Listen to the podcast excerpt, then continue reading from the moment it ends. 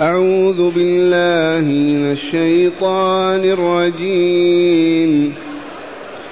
إن الله يأمر بالعدل والإحسان وإيتاء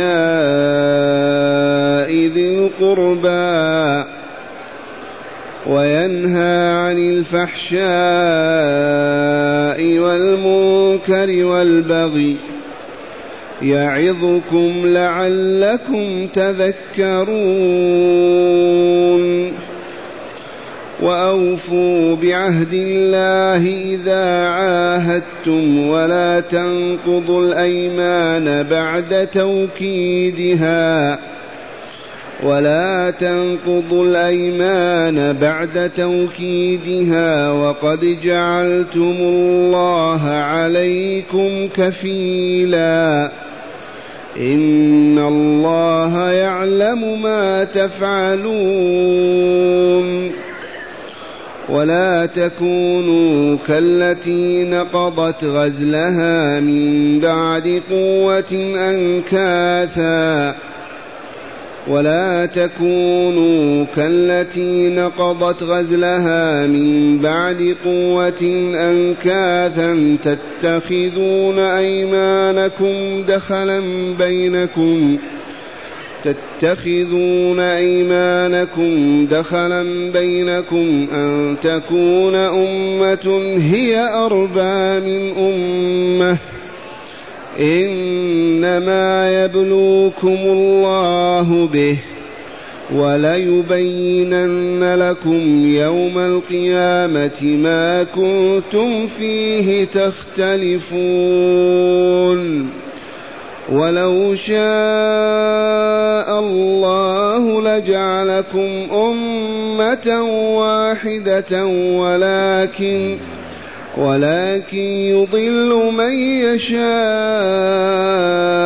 ويهدي من يشاء. ولتسألن عما كنتم تعملون. أحسنت. معاشر المستمعين والمستمعات من المؤمنين والمؤمنات.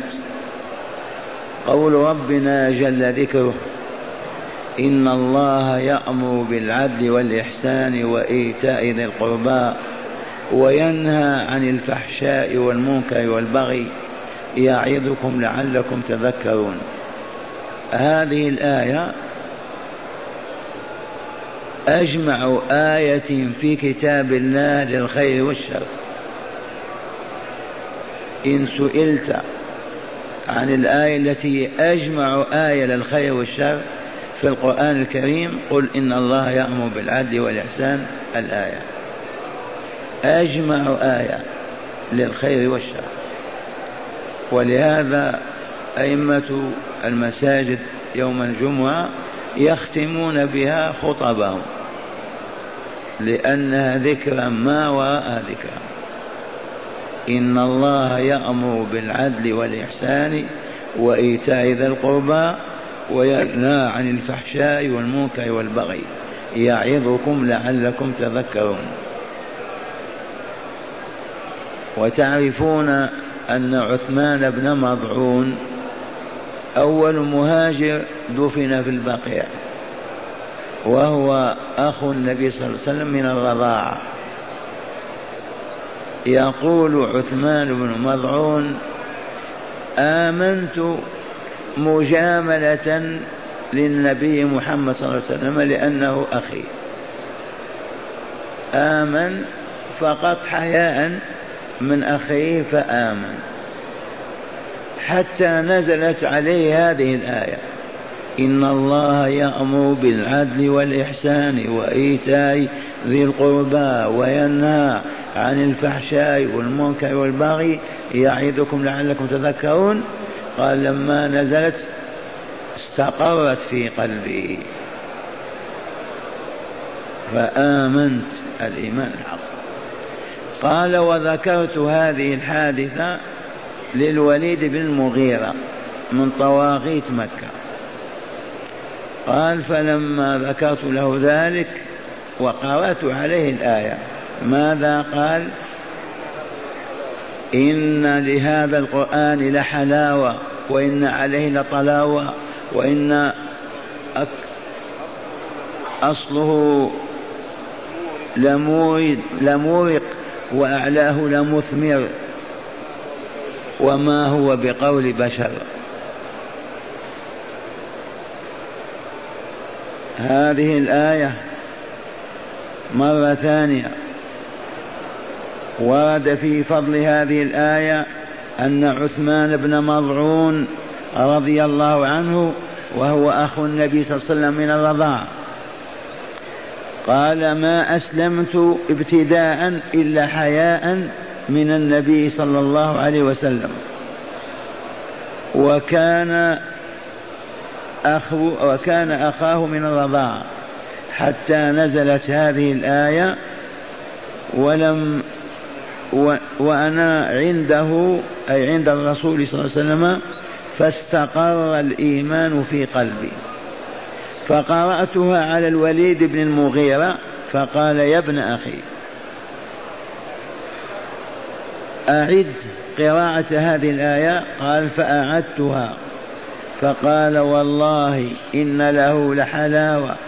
وإن عليه لطلاوة وإن أصله لمورق وأعلاه لمثمر وما هو بقول شاعر. وصدق وإن كان من الكاذبين. هذه الآية الكريمة أولا قوله تعالى إن الله يأمر بالعدل في كتابه وعلى ألسنة رسله.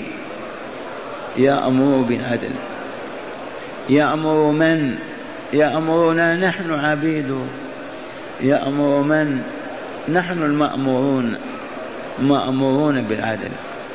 من لم يعدل عصى الله خرج عن طاعته فسق عن أمره وبذلك يهلك مع الهالكين.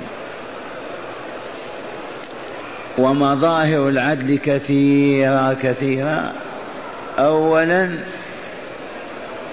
العدل في الحكم. إذا حكمت بين اثنين وحكمت فاعدل. لا تمل لا تجر لا تحف العدل. ثانيا من مظاهر العدل القول. إذا قلت كلمة اعدل لا تزور لا تجر لا تظلم. لا تكذب. اعدل فيما تقول. ثالثا في الفعل. أفعالنا كلها يجب أن تكون مستقيمه معتدلة. ما فيها انحراف. لأن الانحراف يبطل مفعولها ويفسدها. العدل. ومن ثم كلمة العدل تتناول كل عمل. طاهي يطبخ الطعام يجب أن يعدل وإلا فسد طعامه. ماشي في طريقه إذا لم يعدل مشيته في طريقه آذى وجاء وظلم. العدل بين النساء يا من تحته امرأتان وثلاثة وأربع يجب أن تعدل. لا تجر ولا تحف أبدا ولا تظلم. العدل يا من عنده أبناء يجب أن تعدل بين أبنائك. لا تعطي هذا وتمنع هذا. لا تضحك في وجه هذا وتغضب في وجه هذا. اعدل. يا من يتوضأ اعدل في وضوئك. لا تسرف في الماء. يا من يأكل اعدل في أكلك. لا تكثر حتى تصاب بالتخمة والمرض. العدل العدل. القصد القصد. فهي شاملة لكل مظاهر الحياة. وما منا احد الا وهو مامور بالعدل. ما منا احد الا هو مامور بالعدل. مع نفسه ما يورطها في الذنوب والاثام. يجور عليها يحملها على الفسق والباطل لتهلك. جار ما عدل. العدل العدل. وهو مأمور به والله الآمر ونحن المأمورون. يجب أن نعدل في قولنا في فعلنا في اعتقادنا في سلوكنا في إعطائنا في منعنا في كل تصرفاتنا العدل. إن الله يحب العدل ولهذا أمر به. ثانيا الإحسان. يأمر الله تعالى بالإحسان. ما هو الإحسان؟ الإحسان ضد الإساءة. هذا أحسن وهذا أساء. ومعنى هذا لا نسيء إلى أحد. سواء كان قريبا أو بعيدا أبيض أو أصفر لا يحل الإساءة إلى مخلوق. وإنما يجب الإحسان إلى كل مخلوق. الإحسان أمر الله تعالى به يجب أن نحسن. وضده الإساءة ما دام أمر بالإحسان نهى عن الإساءة. فلا يحل لأحد أن يسيء إلى آخر. ويجب على كل واحد منا أن يحسن إلى غيره بأن لا يسيء إليه بشيء. والإحسان معناه أداء العبادة على الوجه المطلوب. يا خياط الثوب أحسن خياطة ثوبك وإلا أنت آثم. يا من بيده المسحاه يحفر الأرض ليزرع أحسن عملك وإلا يفسد. يا طاهية أحسني طبخك وإلا ما يؤكل. فيتناول الإحسان كالعدل كل مظاهر الحياة. لا إساءة عندنا أبدا لا بكلمة نابئة ولا بنظرة شزرة فضلا عن المس باليد أو بالعصا. ربنا تعالى يأمرنا بالإحسان كيف لا نحسن؟ مظاهر الإحسان تتناول كل مظاهر العدل. يجب أن تحسن إلى نفسك ولا تسئ إليها. لا تعرضها للبرد في الشتاء ولا للحر في الصيف. أحسن إلى نفسك. لا تجوح تقتل بالجوع ولا تملأها بالطعام بالتخمة تهلكها وتمرضها. يا من يكتب بقلم أحسن كتابتك حتى تقرأ وتفهم عنك. يا من يدرس أحسن التدريس بين وضح حتى ينتفع بكلامك. وهكذا يا سائق السيارة أحسن سياقتك وإلا سوف تنقلب بك أو تحطم آخر من عباد الله فتهلك معه. ما أمر الله إلا بالخير. إن الله يأمر بالعدل والإحسان. اللهم اجعلنا من أهل العدل والإحسان. اللهم اجعلنا من أهل العدل والإحسان. تذكرون حديث جبريل في الصحاح لما كان رسول الله صلى الله عليه وسلم جالسا بين أصحابه وإذا بجبريل يدخل ويشق الصفوف حتى ينتهي إلى مجلس رسول الله صلى الله عليه وسلم ويسند يديه على ركبتيه وركبتيه إلى ركبتيه. ويسأله عن الإيمان والإسلام والإحسان. فأجابه النبي صلى الله عليه وسلم عن الإسلام وأنه خمسة خمس قواعد. أن تشهد أن لا إله إلا الله وأن محمد رسول الله. هذه أول قاعدة. وأن تقيم الصلاة هذه الثانية وأن تؤتي الزكاة هذه الثالثة وتصوم رمضان الرابعة وتحج بيت الحرام إن استطعت إلى سبيل الخامسة. خمس قواعد. إن بنى عليها دين الإسلام. سقطت قاعدة انهار البناء كله وهبطت.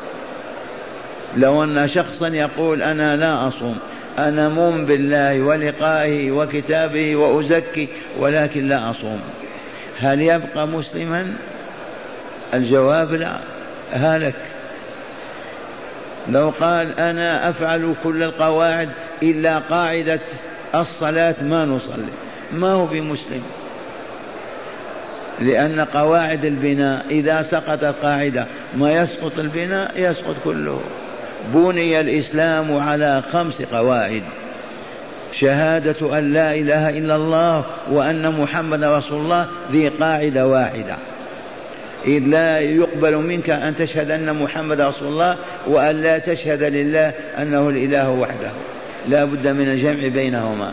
أشهد أن لا إله إلا الله وأشهد أن محمدا رسول الله. هذه قاعدة. تقيم الصلاة تؤتي الزكاة تصوم رمضان تحج البيت إن استطعت إليه سبيلا. لماذا؟ لأن البلاد متباعدة والظروف مختلفة. ما كل واحد يأتي من الصين أو من أمريكا ليحج. قد يعجز. قل من يستطيع ذلك؟ فقال تعالى من استطاع إليه سبيلا. أي طريقة. قد توجد مخاوف في الطرقات. ما يتمكن من الخروج.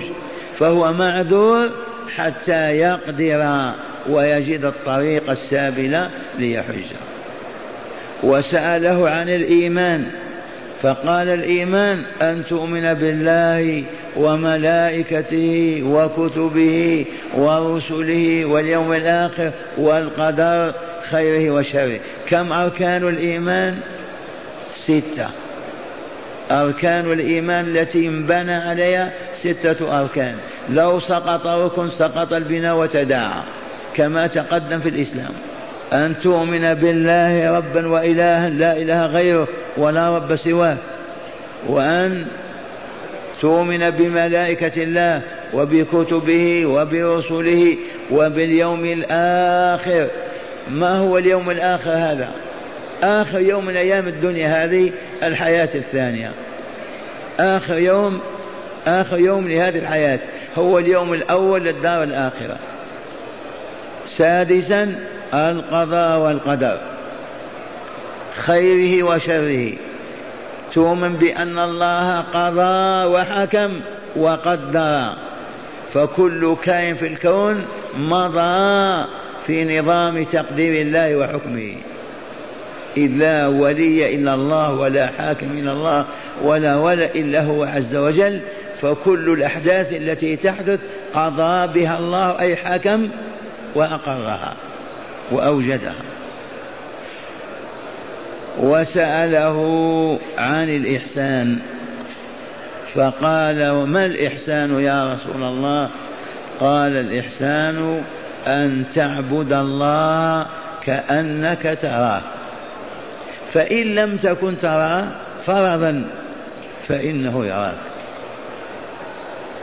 هذه كلمة رسول الله صلى الله عليه وسلم لجبريل الملك الطاهر عليه السلام.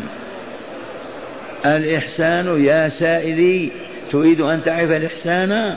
الإحسان هو أن تعبد الله. في وضوئك في غسلك في صلاتك في صيامك في حجك في رباطك في جهادك في أمرك بالمعروف في نهيك عن المنكر في عدلك في قضائك في كل أعمالك التي هي تعبدية. تعبده بها كأنك تراه. حياء خوف وجل وأنت تؤدي في ذلك العمل. ومن ثم يتم على الوجه المطلوب. من ثم العمل يؤدى على الوجه المطلوب وينتج الثمار التي مرجوة منه وهو توليد الحسنات في قلب العبد المؤمن. أن تعبد الله في صلاتك في صيامك في أية عبادة تقوم بها تفعلها وكأنك تنظر إلى الله أو أن الله ينظر إليك. ومعنى هذا أنك تحسن أداءها. جرب. قف بين يدي الله تصلي ركعتين أو فريضة. واذكر أنك بين يدي الله والله يراك. ما تستطيع أن تعبث أبدا ولو بتحريك رجلك أو يدك. حياة من الله. ومن يؤدي العبادة غافلا عن الله ما يستطيع أن يؤدي على الوجه المطلوب أبدا. دائما فيها نقص. أن تعبد الله كأنك تراه. هذه مرتبة عليا. نصفنا يصل إليها ونصفنا يعجز عنها. إذا والمرتبة الثانية لا يعجز عنها مؤمن أبدا. وهي أن تعتقد أن الله يراك. إذا عجزت أنت عن رؤية الله فاعلم أن الله يراك ما هو بعاجز. من كانت هذه حالة ما يستطيع أن يفسد عبادته أبدا. لو وقف العالم كامل يتفرج وينظر إلى صلاته والله ما يصليها إلا كما أمر الله ولا يلتفت إلى أحد. أراد أن يتصدق أدخل يده في جيبه وأخرج نقوده كأنه يرى الله. ويعلم أن الله يراه فلا يمكن أن يزيغ قلبه يمينه وشماله لا يريد إلا وجه الله عز وجل. الإحسان الإحسان يجب على الطباخين على الحراثين على العمال على كل العاملين أن يحسنوا أعمالهم. لكن في العبادات يساعدك على الإحسان أن تعبد وأن وكأنك تنظر إلى الله. فإن عجزت عن هذا المستوى انزل إلى أسفل فاعبده وأنت تعلم يقينا أن الله يراك. وهذا لا جدال فيه. العالم كله بين يدي الله عز وجل. إن الله يأمر بالعدل والإحسان.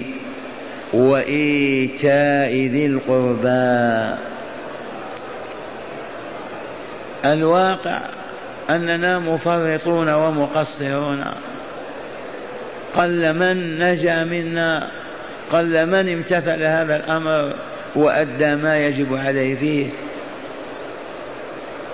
وإيتاء ذي القربى. أصحاب القرابة من أبيك ومن أمك. هم أقرباؤك. تعطيهم ماذا تحسن إليهم. تحسن إلى ذوي قرابتك. بالكلمة الطيبة والنظرة الحسنة والمساعدة القيمة النافعة. وتحافظ على حقوقهم الواجبة لهم عندك. فتؤديها كاملة وافية. وتزيد فوق ذلك الإحسان إليهم. تكسو العارية وتطعم الجائع وتداوي المريض. أقرباؤك من أبنائك وإخوانك وأبناء إخوانك ومن إليهم. عماتك خالاتك أبناء عماتك أبناء خالاتك. وإيتاء ذي القربى حقوقهم. وإعطاء ذوي القربى حقوقهم. ما هي حقوقهم؟ الإحسان إليهم. والإحسان إليهم لا يكون بالنظرة فقط ولا بالكلمة الطيبة بل يكون بالمال والطعام والشراب والوقوف إلى جنبهم مؤديا حقوقك الواجبة عليهم أو حقوقهم الواجبة عليك. ومن ثم المجتمع الذي يطبق هذه القواعد الثلاثة والله لا يكون أسعد مجتمع. وأطهره وأصفى وأعزه وأكمله. فقط ثلاث مسائل العدل والإحسان وإيتاء ذي القربى.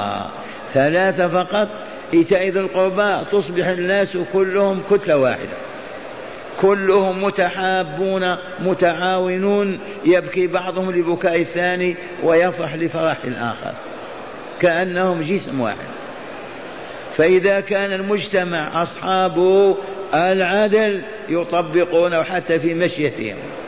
الإحسان يحسنون حتى إلى الحيوانات فضلا عن البشر ويؤدون العبادات على أكمل وجوهها وأتقنها فتثمر لهم الحسنات. وفي نفس الوقت كل الأسر متحابة متعاونة تؤدي حقوقها لبعضها البعض كيف تصبح هذه الأمة؟ وكانت ثلاثة قرون أكرر القول القول الأول والثاني والثالث لقول الرسول صلى الله عليه وسلم ما خيركم يا بني الإسلام؟ خيركم قرني ثم الذين يلونهم ثم الذين يلونهم أصحاب رسول الله وأولادهم وأحفادهم ابن ابن أبي بكر الصديق ابن ابن عمر الخطاب. ثلاثة قرون. خيركم يا بني آدم يا بني الإسلام. خيركم قرني ثم الذين يلونهم ثم الذين يلونهم. كيف كملوا وسادوا وعزوا؟ بسبب ماذا؟ طبقوا هذا الذي أمر الله به. العدل والإحسان وإيتاء ذي القربى. لأن كلمة العدل كما علمتم عامة في كل ما تكلف بالقيام به. الإحسان كذلك في كل ما أنت تقوم به وتؤديه صلة الأرحام هي التي تجعل المجتمع دعامة واحدة. ما يتزلزل ولا يسقط أبدا. هذه ثلاثة أوامر. إن الله يأمر بالعدل والإحسان وإيتاء ذي القربى. هذه الثلاثة ثمرتها فوق استقامتنا وصلاحنا وسعادتنا في الدنيا. ثمرتها الأصلية أنها تزكي النفس البشرية. تطهر نفسك حتى تصبح كأنفس الملائكة وأرواحهم. مفعولها العجب الذي يؤدي هذه الثلاثة يأمر بالعدل والإحسان وإيتاء ذي القربى ويقوم بذلك تكون نفسه أزكى نفس وأطهر على الإطلاق. وهناك مقابل ما يخبث النفس ويدسيها مقابل لما يحسنها ويجملها. فنهانا عن ماذا؟ اولا عن الفحشاء وينهى عن الفحشاء والمنكر والبغي. ثلاثة مقابل الثلاثة الأولى. إذا أديت الثلاثة الأولى واجتنبت هذه ارتقيت إلى مستوى الملائكة في طهرك وصفائك. الأولى من المنهيات المكروهات لله عز وجل نهى عنها الفحشاء والفحش القبح والبخل وسوء العمل وسوء السلوك كله فحش. وأفحش الفحش فاحشة الزنا واللواط. لا أفحش منهما. أتأتون الفاحشة؟ الآية الكريمة. ولا تقربوا الزنا إنه كان فاحشا وساء سبيلا. والبخل ومنع الخير وهو يفيض عليك وتمنع إخوانك والله لفحش. البخيل فاحش يقولون. البخل فحش. الفحش هو قبح الشيء. فحش قبح واشتد قبحه هو. فلنذكر إذن أن الله نهانا عن الفحش. أمرنا بما يزكي أنفسنا ويطهرها وحذرنا من أن نصب عليها هذه الذنوب فتفسد ذلك النور وتطمسه. وحينئذ ما نطير إلى السماء. ما نستطيع أن نرقى إلى الملكوت الأعلى. وهل نحن نرجو أن نرقى إلى الملكوت الأعلى؟ تظنون هذا ولا لا؟ إيه نعم. ما إن يأخذ ملك الموت روحي ولا أقول روحكم. روحي أنا إن شاء الله. موكب من مواكب الملائكة. كما تعرفون المواكب مع الملوك ومع الرؤساء. رأيتم ولا لا؟ موكب. يعرجون بها إلى السماء الدنيا فيستفتحون من أبو بكر من أذن له؟ نعم أذن له. افتح ادخل سبع سماوات. وتنتهي إلى مستوى ما سماه تعالى بكتاب عليين. كلا إن كتاب الأبرار لفي عليين. وما أدراك ما عليون يا بني كتاب مرقوم يشهده المقربون. الملائكة الخاصة هي التي تشهد هذا. فيسجل اسم صاحب الروح في الديوان ثم يعودون بها إلى البقيع. أو إلى أية مقبرة. تبهتم؟ الروح الطاهرة وهي على النعش أو على ماذا يسمى النعش؟ تقول قدموني قدموني قدموني فرحة. عجلوا بي لأنه يعرج بها وتعود إلى الأرض. ويتم الاختبار والنجاح الباهر ثم يعودون بها وقد سجل اسمها تعود إلى الملكوت الأعلى لتبقى إلى قيام الساعة. أرواح النبيين والصديقين والشهداء والصالحين كلها في الملكوت الأعلى في جنة عدن. وإن كانت الروح خبيثة ما فعل الأوامر الثلاثة العدل والإحسان وإيتاء ذي القربى وفعل الثلاث المنكرات. الفحشاء والمنكر والبغي. هذا والله ما تفتح له أبواب السماء ولا تدخلها روح أبدا. ولنذكر موكب الملائكة في سورة فصلت. إن الذين قالوا ربنا الله لا يخافون لا يخجلون. الله ربي. ولو غضب العالم كله ولو وجهت إلي كل المدافع الله ربي لا رب لي سواه. ربنا الله. ثم استقاموا. ما مالوا يمينا ولا شمالا لاستقامة. واجبات يفعلونها محرمات يتركونها كما معنا هذه الآية. قاموا بالعدل والإحسان وإيتاء ذي القربى وتناهوا وتباعدوا عن البغي والفحشاء والمنكر. إن الذين قالوا ربنا الله ثم استقاموا ما لهم؟ أخبرنا يا رب عنهم. هات الخبر. تتنزل عليهم الملائكة مواكب. تتنزل عليهم الملائكة وتقول لهم لا تخافوا ولا تحزنوا وأبشروا بالجنة التي كنتم توعدون. نحن أولياؤكم في الحياة الدنيا وفي الآخرة. لكم فيها ما تشتهي أنفسكم ولكم فيها ما تدعون. نزلا ضيافة من غفور رحيم. ضيافة تعرفون النزل وإلا لا؟ ما هو الفندق. النزل ما يقدم للضيف من أنواع الطعام والشراب والفراش. نزل منين؟ من غفور رحيم. اللهم اجعلنا منهم اللهم اجعلنا منهم اللهم اجعلنا منهم واحشرنا في زمرتهم. ومن أراد المفتاح أعطيه المفتاح. من أراد منكم مفتاح هذه أعطيكم المفتاح. تريد المفتاح؟ فقط أطع الله والرسول. فقط أطع الله والرسول.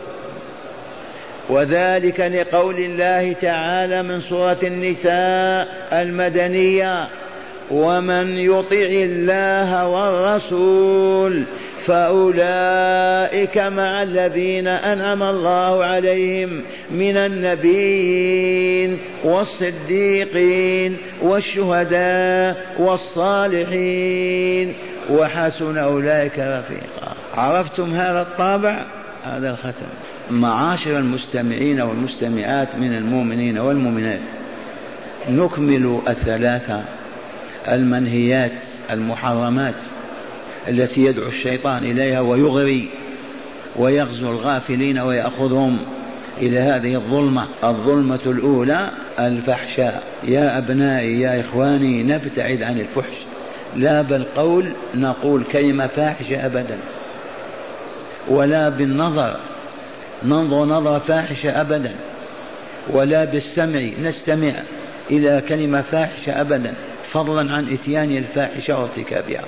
أعلاها أسماها أو أسفلها فاحشة الزنا واللواط وكل ما يؤدي إلى هذه الفاحشة البخل الكذب الخيانة السخرية الاستهزاء كل هذه فواحش.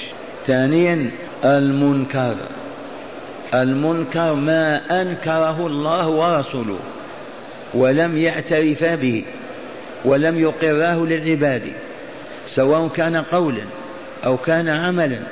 نظر لباس صوت مشيا كل ما أنكره الله وأنكره رسوله بمعنى نهيا عنه وحرماه وواعد الله عليه بالعذاب. هذا المنكر هذا يجب أن نتجنبه ولا نفعله أبدا. لماذا؟ لأن الله حرمه. نهى عن المنكر.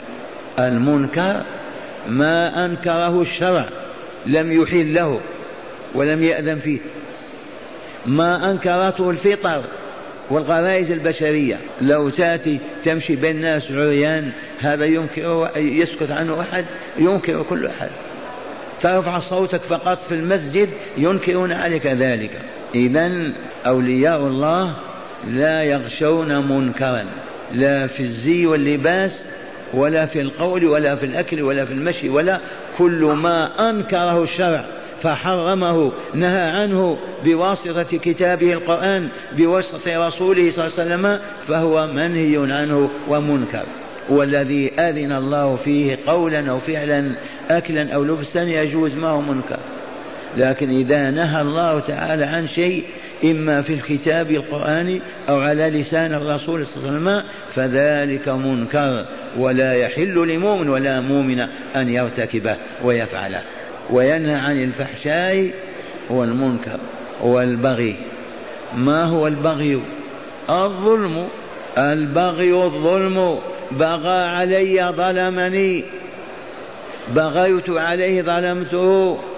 البغي الظلم والظلم حرمه الله عز وجل وجعله على عباده محرما. إذ قال إني حرمت الظلم على نفسي وجعلته بينكم محرما. الظلم حقيقته حقيقته وضع الشيء في غير موضعه مطلقا. لو كنت في بستانك وأدخلت أصبعيك في أذنيك وقلت يا ليلى تغني ما ظلمت. لكن لو تفعل هذا في المسجد أو في بيت مؤمن من المؤمنين أو في الشارع ظلمت وإلا لا؟ وضعت الشيء في غير موضعه.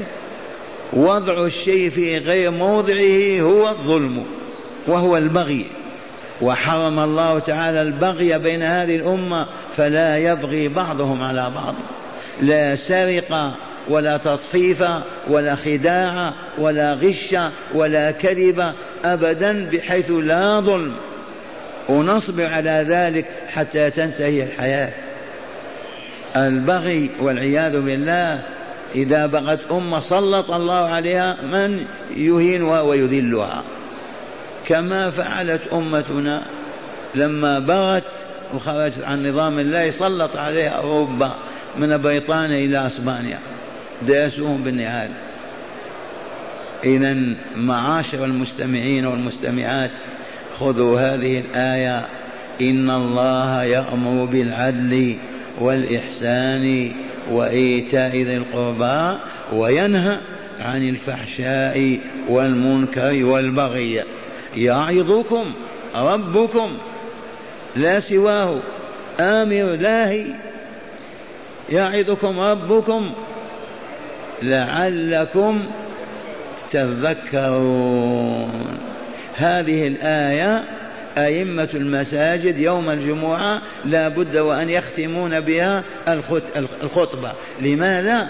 لأنها أجمع آية للخير والشر. ما أخذ بها مؤمن وزلت قدمه وسقط أبدا. ولهذا ما ننساها. إن الله يأمر بالعدل والإحسان وإيتاء ذي القربى وينهى عن الفحشاء والمنكر والبغي يعظكم هكذا. يعظكم ربكم. آمر ناهي لعلكم تذكرون. والله تعالى أسأل أن يجعلنا وإياكم من أهل هذه الآية. اللهم اجعلنا من أهلها يا رب العالمين. واختم لنا بخاتمة السعادة يا رحمن يا رحيم. وتوفنا وأنت راضي عنا.